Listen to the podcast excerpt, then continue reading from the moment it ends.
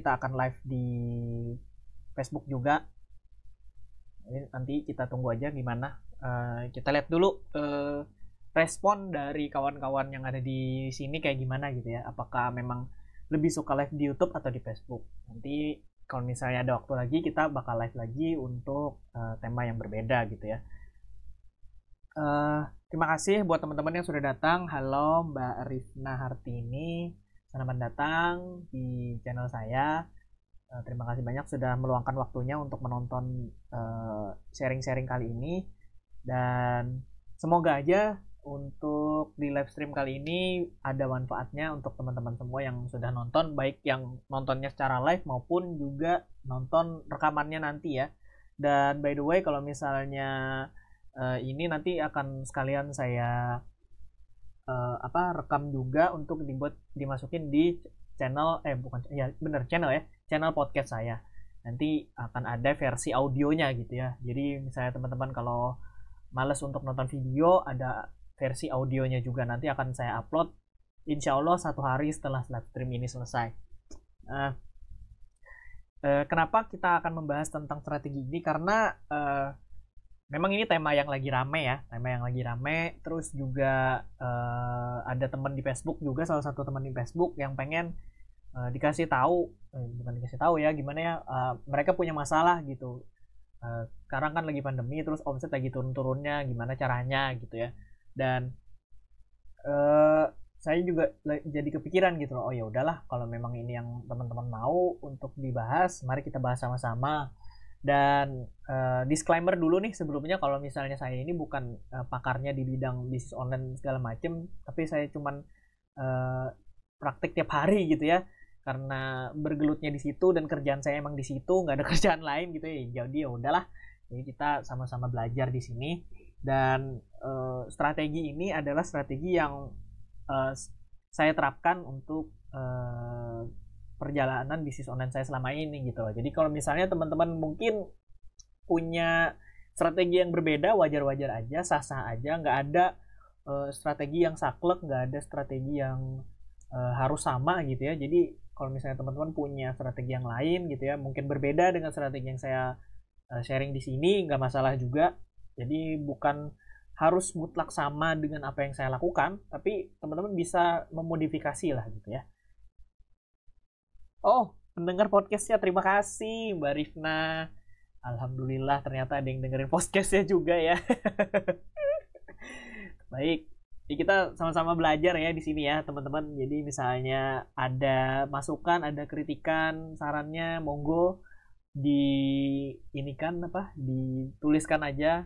Kalau misalnya mungkin teman-teman misalnya ah aku pengen dibahasin tentang ini, boleh tuh saya di kolom komentar nanti kalau misalnya saya sa- saya tahu dan saya pernah ngejalaninnya gitu ya saya akan coba sharing. Oke kita mulai aja ya. Strategi bisnis online menghadapi pandemi saat omset turun. Apa aja sih yang harus dilakukan? Eh, kita akan sampai ke sana tapi pelan-pelan aja.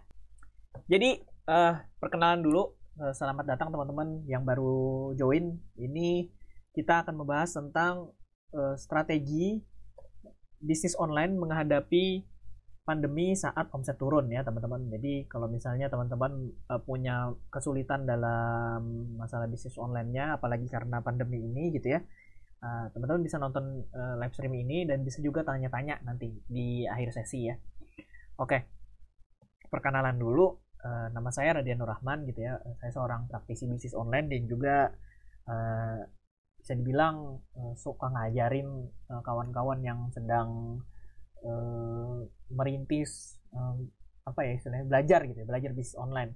Eh, kebetulan di salah satu vendor vendor dropship saya waktu itu eh, bukan saya bukan punya saya maksudnya saya ikut jadi dropshipper di sana juga terus karena mungkin melihat track record saya penjualannya cukup bagus saya akhirnya ditarik eh, direkrut untuk jadi seorang mentor di sana dan ngajarin teman-teman yang baru baru masuk gitu ya alhamdulillah di sana banyak ketemu teman-teman baru juga dan banyak eh, apa ya istilahnya banyak dapat insight baru juga dari teman-teman oh ternyata masalah teman-teman tuh begini begini begini. Apalagi yang pemula. Jadi eh, tahulah gitu apa aja yang jadi masalah dari mereka. Eh, silahkan teman-teman untuk uh, sebelum kita mulai follow dulu mungkin Instagram saya mungkin teman-teman yang aktif di Instagram. Saya juga sharing sharing di Instagram uh, follow aja di @radiannr atau mungkin di Facebook juga silahkan uh, follow eh apa subscribe eh subscribe add friend foto profilnya yang ini ya teman-teman. Foto profilnya yang ini. Kalau misalnya ada foto profil yang lain itu beda lagi. Itu akun backup aja sebenarnya. Uh, misalnya teman-teman ada keperluan untuk curhat misalnya di bisnis online boleh di WA aja ke sini. Ini nomor WA saya silahkan di WA ya. Uh, tolong sebutkan namanya ya teman-teman. Kalau misalnya mau nge WA jangan langsung mas saya mau curhat. Bingung ini namanya siapa cewek apa cowok? Tahunya dari mana gitu ya. Kalau bisa ditulis namanya dulu kenalan dulu gitu ya mas. Nah, selamat pagi selamat malam assalamualaikum cerah bebas aja. Nah, terus uh, bilang nama saya ini dari ini saya mau curhat boleh mas? Gitu. Uh, inilah pak formalitas lah sebenarnya. Cuman ya kita kalau misalnya nggak saling kenal kan jadi bingung juga saya manggilnya apa gitu ya. Mau mas mau mau mas mau mbak mau dek kak gitu ya. Bingung Uh, kalau misalnya mau WA, uh, eh, tolong perhatikan jamnya juga ya teman-teman. Kalau misalnya udah di atas jam 10 atau jam 11 malam, uh, gitu udah aja nge-WA-nya coba WA untuk besok pagi gitu ya. Uh, pernah nih saya ngalamin gitu ya, uh, mentang-mentang dikasih nomor WA gitu ya, di sebar, nge-WA-nya jam 2 pagi dong. ya Allah. Bukannya nggak mau bales sih, cuman gimana jam 2 pagi itu bukan waktu yang wajar untuk WA-an gitu loh. Chatan tuh nggak wajar untuk jam 2 pagi gitu ya. Walaupun saya udah saya masih bangun jam 2 pagi misalnya gitu ya. Pun nggak wajar aja gitu uh, kita uh, konsultasi jam 2 pagi ya kan. Uh, kalau memang jam tidurnya beda dengan jam tidur yang normal ya WA lah. Berusaha lah untuk bangun atau misalnya untuk aktif di jam-jam yang normal gitu loh. Jangan sampai kita ya saya yang harus menyelesaikan teman-teman gitu ya nggak bisa juga kayak gitu. Eh, saya juga punya kesibukan saya juga punya kegiatan lain selain uh, online gitu ya. Ya teman-teman uh, harap diperhatikan itu juga ya. Oke. Strategi bertahan. Uh, semua semuanya semua orang di dunia ini itu sekarang lagi terdampak. Uh, mau yang kaya mau yang tidak kaya gitu ya semuanya terdampak. Jadi kalau misalnya teman-teman merasa bisnisnya sedang turun omsetnya nggak perlu merasa apa ya merasa khawatir khawatir perlu sih. Cuman gimana ya nggak perlu e, merasa bahwa ini adalah penderitaan satu orang gitu loh. Karena semuanya juga turun gitu ya. Kalau ngomongin omset e, semuanya juga turun gitu loh. Nggak ada yang nggak turun. Tanyain aja semuanya berdampak. Ini mau yang kecil mau yang besar bisnisnya semuanya berdampak. Jadi eh, nggak uh, perlu merasa yang paling menderita uh, ketika ada pandemi ini karena kita semua sama terdampaknya gitu ya. Kita semua sama jadi penderitaan kita tuh sama lah gitu ya. Mau mau istilahnya mau omsetnya kecil turunnya mau omsetnya gede turunnya kita semua sama omsetnya pada turun itu yang pasti. Jadi uh, Uh, di sini saya akan mencoba sharingkan uh, beberapa strategi untuk bisa membuat teman-teman sedikit uh, bermanuver Allah bermanuver. Apa ya istilahnya ber apa ya bertahan gitu ya bertahan dalam artian uh, untuk bisa bisnisnya tetap jalan dan juga tetap bertahan walaupun omsetnya sedang turun gitu. Gimana caranya nanti kita akan jabarkan satu persatu. Disclaimer dulu ini ya udah saya bilang di depan tadi ya bahwa ini adalah strategi yang salah lakukan belum tentu strategi ini works ketika teman-teman melakukan di bisnisnya teman-teman. Jadi uh, harap maklum kalau misalnya hasilnya yang akan diterima itu berbeda-beda gitu ya. Tapi eh, nggak uh, ada salahnya teman-teman untuk mencoba gitu ya. Silahkan aja dicoba. Siapa tahu berhasil, siapa tahu works gitu ya. Siapa tahu bisa berdampak ke bisnisnya. Boleh dia boleh dikasih tahu ke saya nanti kalau misalnya udah mencoba gitu ya.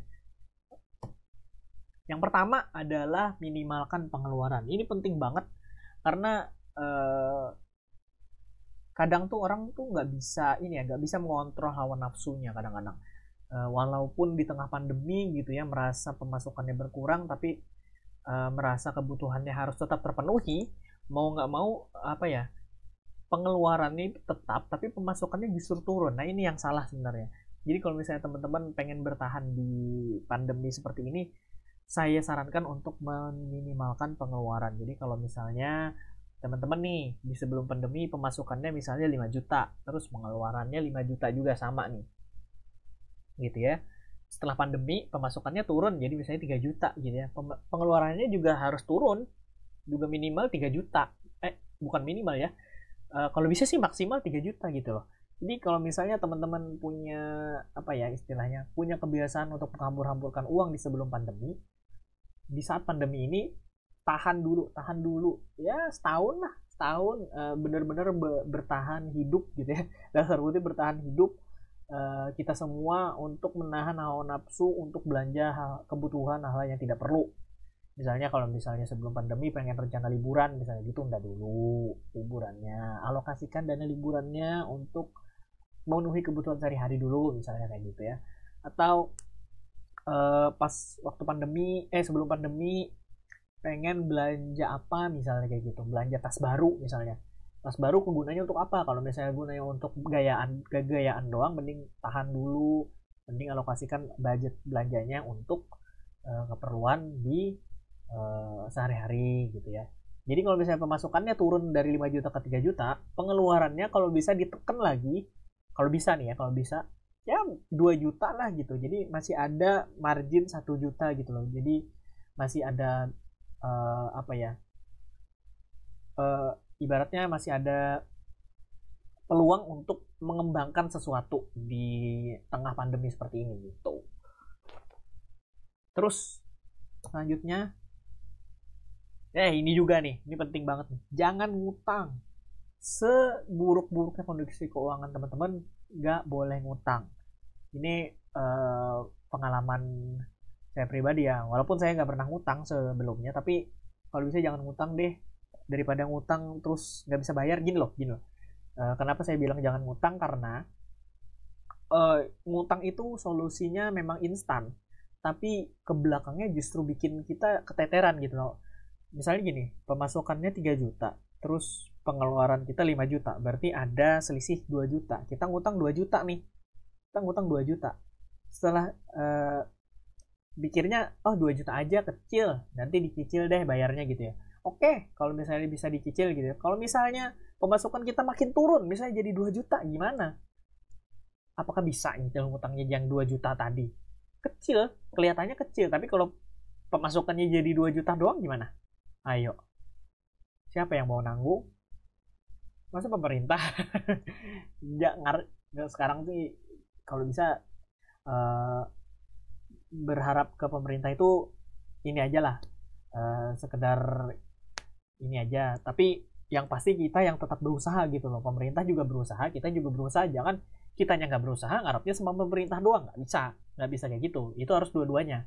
Pemerintah juga berusaha untuk menjaga uh, stabilitas ekonomi biar tetap uh, jalan gitu ya. Kita juga berusaha untuk uh, jangan sampai membebani kehidupan kita sendiri gitu dan ngutang ini buat saya salah satu apa ya salah satu beban yang bisa membuat kita jadi makin terpuruk gitu loh. Karena kita nggak pernah tahu di masa depan tuh kita bisa ngelunasin hutang ini apa enggak sekecil apa pun hutangnya ya sekecil apa pun hutangnya kalau menurut saya kalau bisa jangan deh. Jangan ngutang. Kalau mentok-mentok kalau udah kepepet banget jual barang. Udah jual barang aja. Daripada ngutang mending jualan barang apa di rumah yang misalnya nggak kepake gitu loh. Yang masih bernilai dijual aja. Mending kayak gitu dah daripada ngutang cuy. Janganlah jangan ngutang lah. Jangan ngutang ya teman-teman ya ingat ya itu strategi nomor dua. Terus strategi nomor tiga adalah nah ini banyakin jalur pemasukan. Ini penting banget teman-teman karena uh, karena seperti yang teman-teman tahu kan tadi omsetnya turun ya. Kalau misalnya omsetnya turun uh, berarti apa ya kita perlu pemasukan yang lebih gitu loh. Jadi kalau misalnya teman-teman pu cuman punya satu jalur pemasukan saran saya uh, coba cari peluang-peluang lain uh, opsi-opsi lain untuk membuka jalur pemasukan yang lain gitu. Kalau misalnya sedang uh, saat ini misalnya teman-teman buka toko fisik misalnya gitu ya. Ada toko fisik misalnya buka warung gitu ya. Warungnya jualannya jualan sembako misalnya. Lagi turun nih omsetnya ya udah kalau gitu langsung e, cari uh, jual barang-barang yang uh, lagi dibutuhkan. Misalnya kalau waktu yang awal-awal gitu ya waktu saya waktu pertama kali uh, terkena apa waktu pandemi waktu awal-awal lagi rame-ramenya uh, saya ju saya jualan masker waktu itu masker yang scuba. Nah langsung tuh uh, memang uh, cash flow jalan jadinya kan karena itu barang lagi dibutuhin banget tuh. Mau kita kasih mahal juga orang juga pada beli gitu ya jadi kalau misalnya teman-teman saat ini masih punya cuman satu channel pemasukan saran saya buka lagi ini ini adalah beberapa opsi yang teman-teman bisa pilih untuk eh ntar nggak kelihatan ya di situ ya yang bisa teman-teman pilih untuk uh, men punyai jalur pemasukan yang baru. Yang pertama itu jual barang kebutuhan seperti yang saya bilang tadi. Kalau misalnya teman-teman jual sembako, coba jual eh, barang-barang yang lain, hand sanitizer misalnya, atau vitamin, atau masker misalnya kayak gitu ya. Itu dua hal yang eh apa ada barang-barang yang mungkin bisa jadi uh, opsi untuk dijual di toko fisik. Kalau misalnya bisnis online uh, bisa juga jualan masker online. Saya jualannya maskernya online nggak perlu ke ini ke warung-warung gitu ya saya cuman uh, sebar di WA gitu ya. Sebar di WA saya punya dua saya punya dua nomor WA saya aktifin dua-duanya untuk uh, promosi dan alhamdulillah banyak yang beli gitu ya. Kalau nggak salah hampir berapa kemarin? 100 hampir 100 kayaknya. 100 pieces tuh kemarin alhamdulillah. Uh, masker tuh. Uh, terus apa lagi? Jadi konten kreator misalnya. Kalau teman-teman uh, punya apa punya hobi nah jadi ini berhubungan ya konten kreator dengan hobi ini saling berhubungan kalau menurut saya. Jadi ketika teman-teman punya hobi misalnya apa ya? Hobinya misalnya masak gitu ya ya udah bikin aja uh, apa misalnya menu menu uh, resep olahan sederhana misalnya. Terus diupload ke ke Instagram diupload ke YouTube gitu ya. Memang ini butuh waktu memang ini butuh waktu. Cuman uh, kalau misalnya teman-teman konsisten ngelakuinnya dua-dua hobi dua-duanya ini hobi dan konten kreator itu dua-duanya bisa menghasilkan loh teman-teman. Uh, banyak banget teman-teman saya yang uh, jadi dari hobi awalnya terus hobinya dibikin konten gitu ya jadi konten kreator kan hasilnya. Terus dari sana dia dapat dapat pemasukan gitu dari pemasukan dari video YouTube karena dia upload videonya ke YouTube uh, pemasukan dari Instagram uh, dia dapat klien dari Instagram karena melihat uh, karyanya yang bagus gitu ya uh, dia tem ya, teman saya itu bikin uh, ini apa vektor gambar vektor jadi uh, dia bikin dia buat dia buka jasa pembuatan vektor dia juga apa ya sharing tutorial tentang pembuat buat vektor tuh kayak gimana di YouTube. Nah, jadi dapat dua pemasukan gitu ya. Dapat dari jasa dia pembuatan vektor sama dapat dapat dari view YouTube gitu, teman-teman. Jadi uh, coba diulik-ulik lagi uh, hobinya apa gitu ya. Selama ini oh aku hobinya apa ya? Ah, dulu aku pernah main gitar misalnya. Sekarang coba main gitar lagi. Rekam aja rekam gitu ya. Rekam sambil main gitar, cover lagu apa misalnya gitu ya kalau misalnya bisa improve lebih bagus justru apalagi gitarannya sambil nyanyi misalnya cover lagu gitu ya bisa atau misalnya uh, hobi masak bikin konten masak atau review makanan misalnya hobi jalan-jalan review makanan uh, online misalnya apa yang ada di GrabFood, GoFood misalnya review aja beli satu review gitu ya. Pelan-pelan aja memang ini butuh waktu cuman nggak ada salahnya dicoba.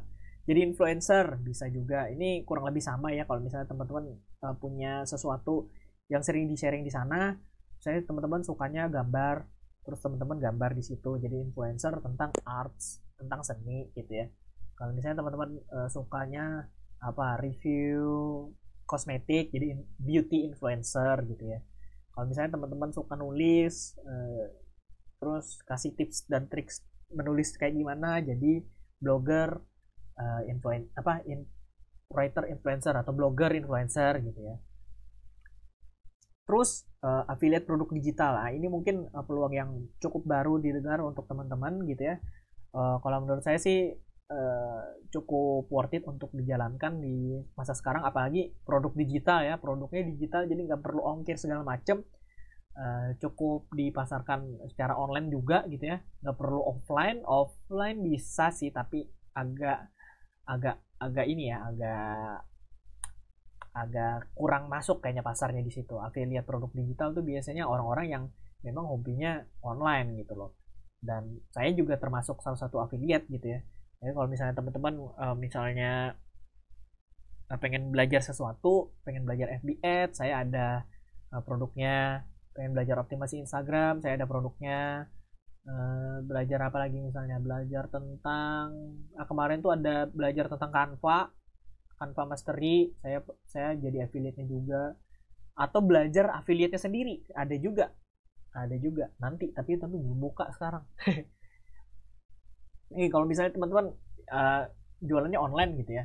Jualannya online. Terus uh, satu toko online terus misalnya tokonya lagi sepi nih nggak ada yang beli ya udah bikin toko baru aja terus uh, jual barang-barang yang kebutuhan yang tadi. Bisa juga kayak gitu kan itu sama aja ya. Sama aja kayak jualan offline yang sembako tadi terus jual produk yang lain. Terus kalau misalnya teman-teman uh, di online akun Instagramnya misalnya sekarang lagi sepi pembeli ya udah coba aja beli apa jual produk-produk kebutuhan. Kayak masker kayak hand sanitizer uh, uh, kayak uh, apa tadi vitamin gitu ya. Minuman-minuman herbal kesehatan kayak gitu-gitu. Itu bisa tuh dimasukin ke Instagramnya juga. Uh, kalau misalnya Instagramnya produknya memang uh, jomplang banget misalnya produknya kosmetik gitu ya. Yang dijual yang dijual misalnya yang produk yang baru itu produknya produk kesehatan misalnya agak agak jauh kan memang kalau bisa sih dipisah aja akunnya gitu ya.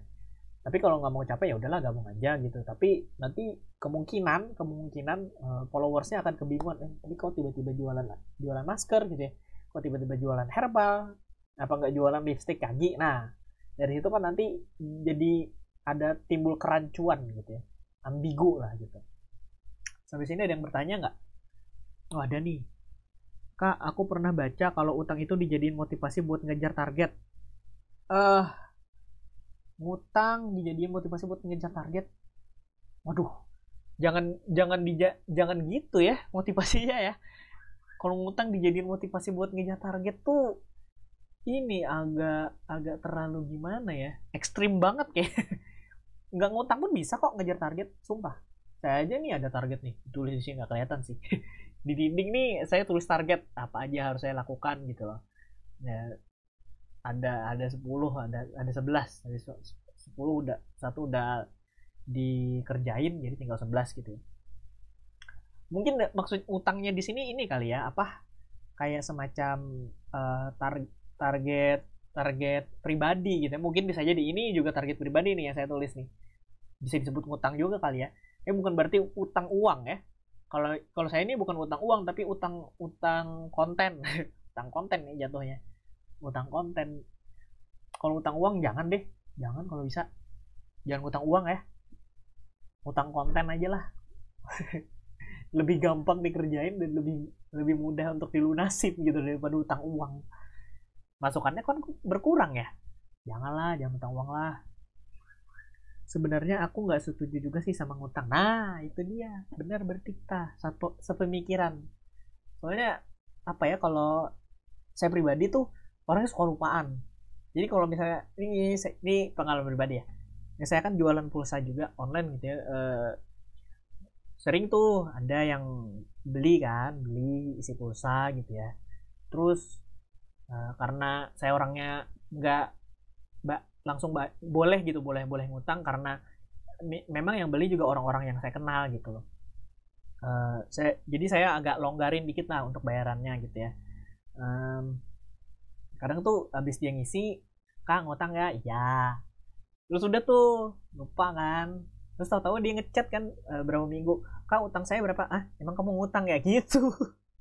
Sering lupa. Ih, utang orang aja sering saya lupa apalagi utang sendiri gitu ya. Jadi teman jadi buat saya tuh utang tuh bukan solusi yang baik lah buat saya. Jadi kalau misalnya uh, kalau mau ngutang saya nggak nggak mau ngutang gitu loh. Mending saya jualan aja sekalian daripada ngutang gitu ya. Lagian orang sekarang tuh butuh butuh uang juga gitu. Kalau misalnya ngutang dia kan juga butuh. Gimana ya? Konsepnya agak-agak masuk logika saya tuh soalnya kayak gitu. Jadi udahlah ya nggak usah mikirin utang-utangan lagi. Yang terakhir tuh dropship teman-teman. Nah ini juga nih dropship kalau misalnya teman-teman tuh dulunya apa jualannya jadi reseller misalnya gitu ya. Rese uh, terus produk resellernya lagi sepi ya udah dropship aja. Apa misalnya produknya yang lain gitu loh. Apa uh, kalau misalnya teman-teman resellernya produknya produk kecantikan misalnya terus ada yang buka dropship untuk produk kesehatan ya udah join aja. Mumpung lagi ini kesehatan produk-produk kesehatan kan lagi rame tuh. Coba aja di situ gitu loh. Jadi jangan jangan menutup kesempatan uh, kita untuk punya penghasilan eh, jalur pemasukan yang baru gitu. Intinya sih gitu. Ini semua saya lakukan loh teman-teman. Ini semua saya lakukan sekarang. Jadi affiliate iya. Jadi jual barang kebutuhan iya. Hobi juga hobi apa lagi uh, hobi itu dari awal sebelum saya bisnis itu saya udah hobi nulis. Jadi ketika 2009 2010-an gitu ya. Eh bener nggak ya? 2011 mungkin. Aduh lupa lah. Pokoknya blog blog saya itu lama banget. Saking lamanya saya lupa sendiri. Kapan terakhir ini kapan pertama kali mulai gitu loh. Jadi saya cek dulu di laptop saya. Laptop yang satu ini ya. Postingan pertama tanggal berapa ya? Hmm, saya lihat dulu deh. Nah itu berawalnya dari hobi teman-teman. Dan jadi waktu itu kan bingung nih aduh aku ini apa ya? Gitu ya. Ngerjain apa ya? Waktu itu waktu kuliah dulu kan bingung nih gak ada kegiatan yang menarik. Ya udahlah nulis aja lah. Coba sekali-sekali nulis gitu. Karena waktu dulu juga awal-awal saya saya nulis gitu loh. Sebelum jadi anak jadi mahasiswa. Nulisnya juga kopas waktu itu ya kopas terus diposting ke blog. Nah itu juga salah satu uh, diracunin sama teman-teman saya waktu itu. Eh kamu nulis aja mendingan. Ini bagus loh bisa nulis-nulis kayak gitu. Bisa tanya-tanya sama orang juga katanya. Oh gitu ya? Ya udahlah coba. Waktu itu saya uh, nulis tentang apa ya? Bola bola. Nulisnya bola dulu. Bola itu pun kopas materinya kopas 100% kopas eh iya kopas jadi bolanya kan fisik gitu ya. Fisik terus uh, tulisan yang ada di majalahnya itu saya ketik ulang dimasukin di blog. Waktu itu kayak gitu dulu. Kopas lah. Jatuhnya kopas ya. Ngeba bisa dibilang ngebajak juga sih. Karena uh, isinya sama persis gitu loh. Sama persis isinya. Jadi nggak bisa nggak nggak ada bedanya sama sekali. Nggak ada diedit nggak ada ditambahin apa pun udah sama.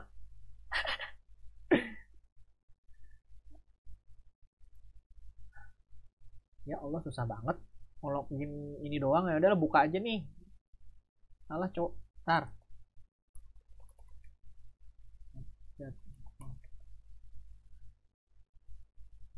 itu dari hobi itu dulu dari 2010 kalau nggak salah. Coba ya kita lihat di sini tahun 2000 berapa nih? 2013 ha maaf. 2013 mulai. Nah dari situ tuh mulai nulis.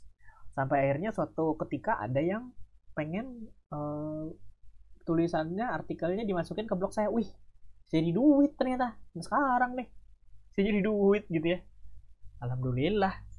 Ini salah satu uh, sumber penghasilan saya adalah dari hobi gitu saya juga dropshipper saya juga merintis jadi influencer dan konten kreator juga ya. Konten kreator uh, sudah beberapa waktu uh, di akun YouTube saya yang lain di perangkai update itu subscribernya udah seribu 800-an berapa gitu lupa lah. Ya segitulah. Ya yang jelas uh, dari sana juga ada adsense-nya gitu ya.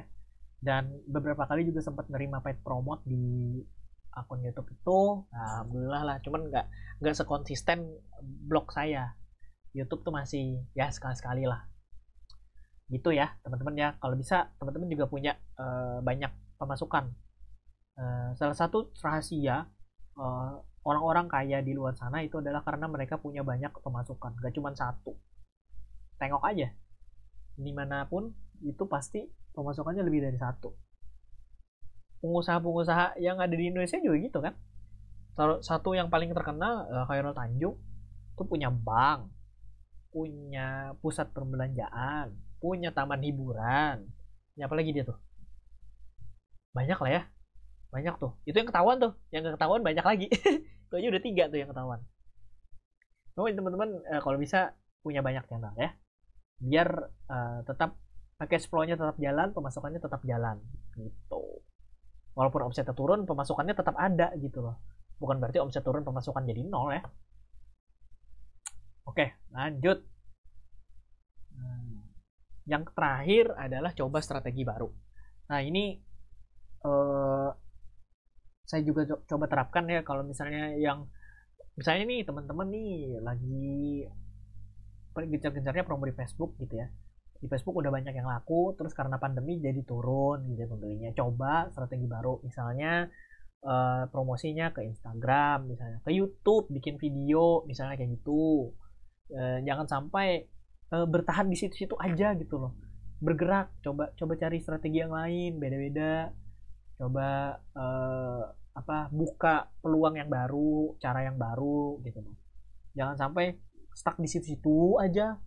Ini gimana ya? Aku uh, pemasukannya udah uh, menurun nih. Emang kamu promosinya di mana? Di Facebook. Udah coba di Instagram? Enggak ah males lah. Gimana dong kalau kayak gitu? Nggak bisa ya.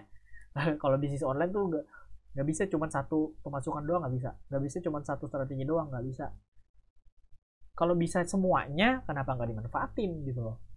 Sayang banget kan? Kalau misalnya teman-teman cuma aktifnya di Facebook doang di Instagram enggak padahal di Instagram kita nggak tahu nih peluangnya segede apa nih kalau nggak dicoba gitu loh. Mending dicoba dulu aja. Siapa tahu kan ada hasilnya gitu loh. Ya. Uh, kalau misalnya teman-teman di Instagram nih ini kayak saya di Instagram uh, promonya gitu lagi turun. Ayo ah, ya udahlah coba cara lain ke YouTube misalnya. Atau uh, coba di WA promo-promoin di WA lagi deh kayak kemarin gitu. Ya udah coba aja kayak gitu walaupun misalnya masih belum ada hasilnya nggak apa-apa. Dicoba aja dulu. Yang penting tuh kita udah mulai dulu kita udah coba dulu gitu loh teman-teman. Jangan sampai kita mengambil kesimpulan sebelum melakukan aksinya gitu ya. Lagi gak pertanyaan? Tip konsisten. Tips konsisten. Ah ada hubungannya juga nih. Kayak yang tadi mbak si Rifna bilang kan target tuh kalau saya biar konsisten harus ada target. Nah gitu. Misalnya dalam sebulan nih saya harus punya uh, followers di Instagram bertambah 20 biji misalnya kayak gitu. Target saya 20 biji per bulan. Apa yang harus saya lakukan targetnya? Maka saya harus konsisten posting setiap hari misalnya. Konsisten update IG story 10 kali per hari misalnya. Konsisten riset hashtag uh, di Instagram seminggu sekali atau mungkin tiga hari sekali uh, hashtagnya di riset gitu ya. Baca-baca datanya kayak gimana. Oh ternyata banyak pertumbuhan followersnya dari konten yang ini hashtag yang ini. Maka aku harus memperbanyak konten sejenis yang seperti ini dan hashtagnya aku pertahankan karena bisa mendapatkan uh, followers gitu misalnya. Atau misalnya di sini nih saya tulis ada target upload video YouTube 4 kali per bulan. Gimana caranya buat update untuk punya YouTube per bulan? Salah satunya dengan ini, live streaming. konsisten dong. Konsistennya adalah konsisten bikin konten. Kalau saya sih itu. E, karena target saya ada konten, maka e, konsistennya adalah mencari bahan untuk bikin konten, terus mengolah kontennya jadi e, e, apa di dibikin kontennya gitu ya diupload ke YouTube, diupload ke Instagram, diupload ke Facebook, diupload ke WA misalnya gitu. Uh, harus punya target sih. Pertama harus punya target. Kedua targetnya harus saklek, nggak boleh diubah, nggak boleh diturunin, harus dinaikin justru. Kalau saya sih gitu, nggak boleh diturunin, harus dinaikin. Gimana cara, gimana pun caranya, targetnya harus tercapai. Uh, mau jungkir balik kek, targetnya mau uh, kebanting-banting kayak mau harus begadang kayak dikerjain aja pokoknya dikerjain makanya kalau itu Kang Dewa pernah bilang kalau nggak salah kalau targetmu nggak bikin kamu sendiri merinding berarti targetnya kurang greget. Makanya kak targetnya harus greget biar konsisten ngelakuinnya gitu loh. Uh, saya lagi ngejar target untuk punya uh, akun publik berfollower 10 ribu misalnya kayak gitu ya. Terus apa yang harus saya lakukan? Uh, karena saya pernah ikut ikut e-course premium tentang uh, membangun akun publik uh, di sana dikasih tahu bahwa kamu minimal upload konten 5 biji per hari. 5 biji per hari dan semua kontennya harus diupload ke IG story. Dan uh, itu saya lakuin uh, dari bulan bulan Juli kalau nggak salah. Katanya sih target tiga bulan bisa tercapai katanya. Tapi uh, kan pada prakteknya orang-orang beda-beda ya. Kalau saya sih waktu sebulan pertama itu angin-anginan tuh uh, up, ntar upload ntar enggak ntar upload ntar enggak. Akhirnya sebulan nggak konsisten juga kontennya nggak konsisten pertambahan followernya nggak konsisten hashtagnya nggak di gitu ya. Terus eh, saya perbaiki polanya. Saya perbaiki polanya tetap eh, berpegang berpegang sama step by step yang udah dikasih tahu gitu ya. Eh, saya akhirnya konsisten untuk posting lima kali per hari. Dan saya lakukan tuh selama tiga bulan eh, dengan tiga akun dan eh, selama tiga bulan itu alhamdulillah ada akun yang tembus hari ini 900 followers itu secara organik dibangun dari nol sama sekali nggak pakai iklan nggak pakai giveaway giveawayan nggak pakai follow followan nggak ada. Itu semuanya organik ber, ber, bermodalkan konten dan riset hashtag. Dan kalau misalnya pengen konsisten ya harus dikerjain sih nggak ada cara lain. Harus disiplin. Ini juga uh, komitmen.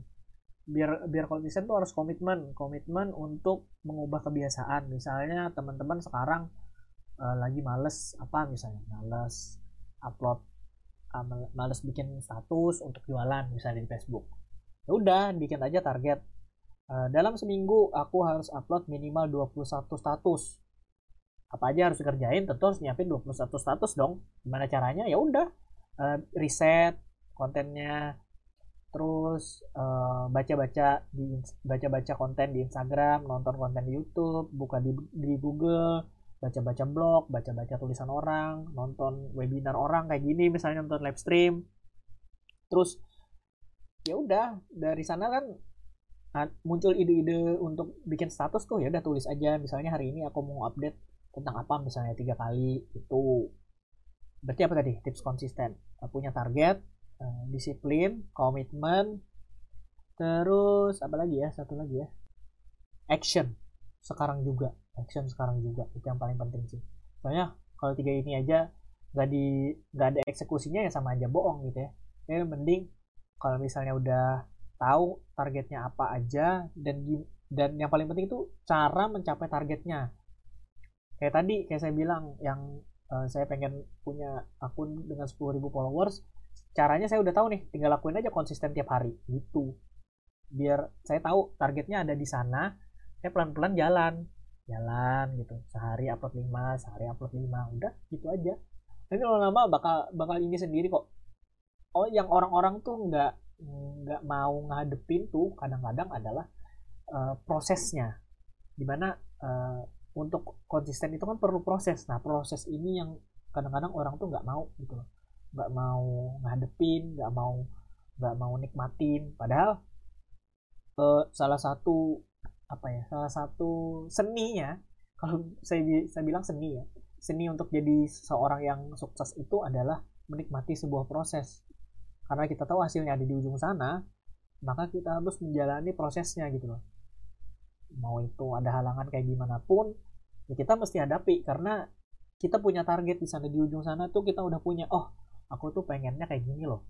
Aku tuh harus menjalani ini loh. Nah itu yang kadang-kadang orang tuh nggak mau gitu loh untuk menghadapinya. Jadi saran saya sih kalau pengen konsisten harus siap sama uh, sem semua resikonya. Terutama untuk melawan diri sendiri itu paling susah sih. Melawan diri sendiri itu paling susah karena konsisten tuh butuh disiplin dan disiplin gak semua orang mau disiplin.